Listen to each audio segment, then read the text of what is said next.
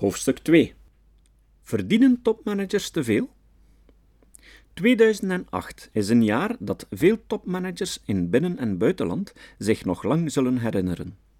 In België deed de uitbetaling van een groot aantal riante ontslagvergoedingen, de zogenaamde gouden parachutes, voetnoot, men gebruikt op dit niveau niet de alombekende term gouden handdruk, maar gouden parachute, omdat dit de beeldspraak oproept dat men altijd zacht, tussen haakjes rijk, land.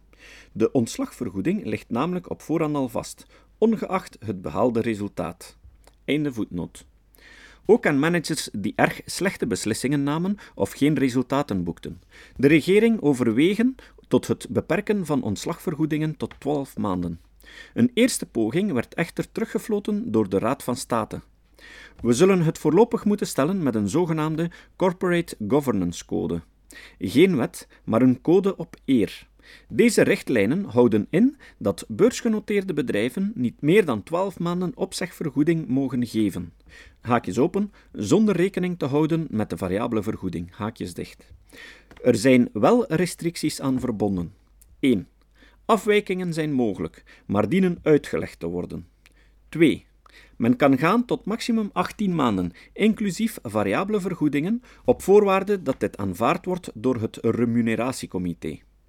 3. Als de CEO een bediendenstatuut heeft, meestal niet het geval, dan blijft de arbeidswet van 1978 echter gelden, de formule Claes. Voetnoot. Met dank aan Patrick Cox voor het juridisch advies. Einde voetnoot. Het geval Gilbert Mittler, de ex-CFO, CFO is Chief Financial Officer, van Fortis, die een ontslagvergoeding van 4 miljoen euro opstreek. Voetnoot. Later werd bekend dat Herman Verwulst in totaal 3,7 miljoen opstreek.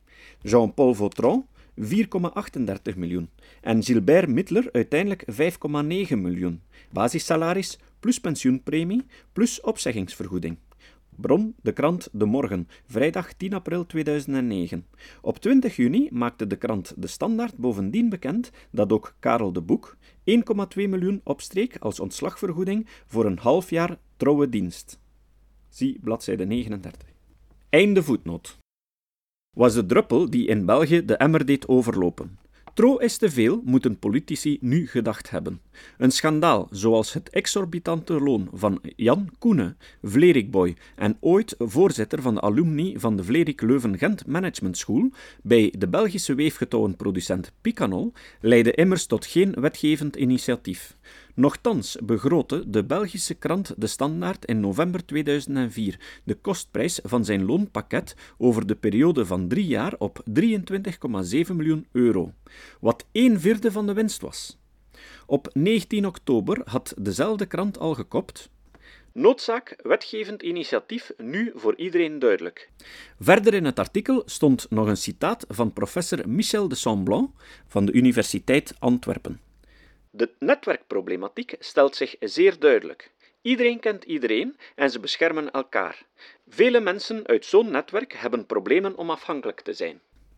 In hetzelfde artikel werd ook kritiek geuit op de op 22 januari 2004 geïnstalleerde commissie Corporate Governance onder voorzitterschap van Maurice Lippens, jawel, ondertussen ex-voorzitter van Fortis, deze commissie boog zich onder meer over goede huisvaderpraktijken in zaken vergoedingen voor topmensen. Wat we ons dan moeten voorstellen bij goede huisvaderpraktijken, wanneer commissies worden voorgezeten door mensen die behoren tot de klasse van superrijken, is maar zeer de vraag. Gaat het dan niet om de stropers die stellen dat ze best zelf in staat zijn de stroperij te regelen? De familie Lippens wordt immers door het Belgische zakenblad Trends tot de twintig rijkste van België gerekend. Volgens deze bron bedroeg het totale vermogen in 2006 509.736.636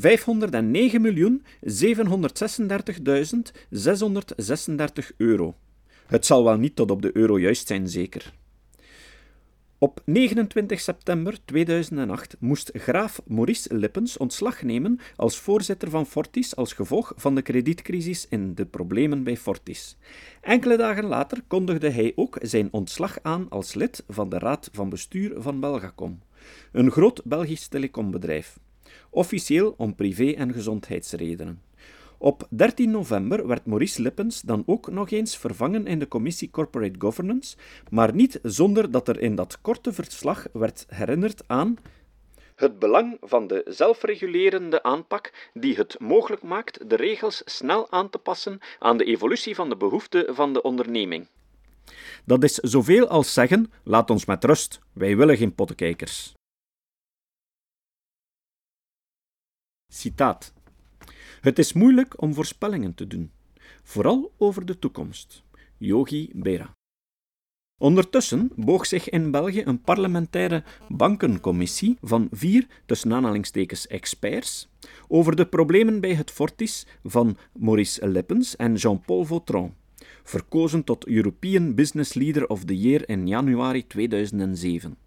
Volgens de commissie was de neergang het gevolg van het gebrek aan deugdelijk bestuur en werden er onevenredig grote risico's genomen door de overname van een even grote bank, ABN Amro.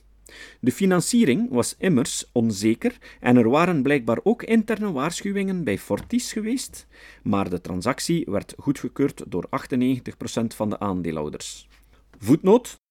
Op 24 juli zou een intern auditrapport bij Fortis hebben gewaarschuwd voor het zeer slechte risicobeheer van de liquiditeit op korte termijn. Dit signaal werd volgens de parlementaire bankencommissie door de top van Fortis genegeerd. Ze zouden een blind vertrouwen in de financiële markten gehad hebben. Einde voetnoot. Dat Lippens en Vautron ter verdediging aanvoeren dat ze onmogelijk de kredietcrisis konden voorspellen, is schrijnend. Voetnoot. In 2007 legde Nassim Nicolas Taleb de laatste hand, dus ruim voor de kredietcrisis, aan zijn boek The Black Swan. Als metafoor voor de onwaarschijnlijke en onvoorspelbare gebeurtenissen met grote gevolgen die men achteraf tracht te verklaren. In de Nederlandse versie, bladzijde 246, voorspelt hij dat wanneer één bank omvalt, ze allen omvallen, en in een voetnoot meldt hij letterlijk de door de overheid gesteunde instelling Fannie Mae lijkt, wanneer ik kijk naar hun risico's, eveneens op een vat dynamiet te zitten. Een kleine kink in de kabel en ze kunnen de boel daar opdoeken. Maar er is geen reden tot bezorgdheid. Hun omvangrijke staf van wetenschappers achtte dit soort gebeurtenissen tussen aanhalingstekens onwaarschijnlijk. Hij stelt ook nog dat het probleem met de meeste experts is dat ze niet weten wat ze niet weten. Gebrek aan kennis leidt zo tot zelfbedrog. Einde voetnoot. Ik hoop dat we eindelijk eens gaan inzien dat ons feilbaar brein ervoor zorgt dat we de neiging hebben te zeggen dat het aan onszelf te danken is als de dingen goed gaan en aan de hoogst onvoorzienbare omstandigheden als het fout gaat. Self-serving bias. De psycholoog Tedlock in 1999 en 2005 onderzocht hoe politieke en economische experts de kans op militaire, politieke of economische gebeurtenissen inschatten. Ongeveer 300 specialisten deden om en bij de 27.000 voorspellingen. De experts deden het echter niet beter dan studenten, taxichauffeurs of journalisten. En mensen met een grote reputatie waren slechte voorspellers. Het was Tedlock vooral te doen om te achterhalen waarom experts niet beseffen dat ze niet over bijzondere kennis beschikten. Hij concludeerde dat het geloof in het eigen kunnen of het behoud van de eigen waarde de belangrijkste verklaring vormen.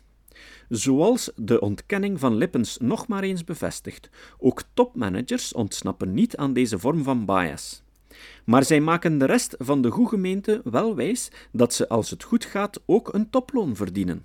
En sommigen krijgen dus blijkbaar ook bonussen en extra pensioenuitkeringen als het slecht gaat. Ze winnen altijd. Ze zouden er juist moeten voor betaald worden aan risico-inschatting, geen voorspellingen te doen en noodplannen klaar te hebben of reserves op te bouwen ten tijde van economische voorspoed.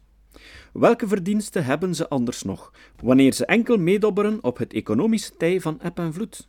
Blijkbaar dobberen velen inderdaad alleen maar mee, want bijvoorbeeld de directeurs van oliemaatschappijen krijgen hogere bonussen als de oliemaatschappijen grote winsten boeken bij stijgende olieprijzen alsof dit hun verdienste is. Feit is, Zonder ingrijpen waren miljoenen spaarders hun geld kwijt geweest. De verontwaardiging bij de gemiddelde burger sloeg vooral op de toplonen en de gouden ontslagvergoedingen die toppers opstreken, terwijl gewone aandeelhouders in de kou bleven staan en de spaarders bijna hun geld geblokkeerd zagen.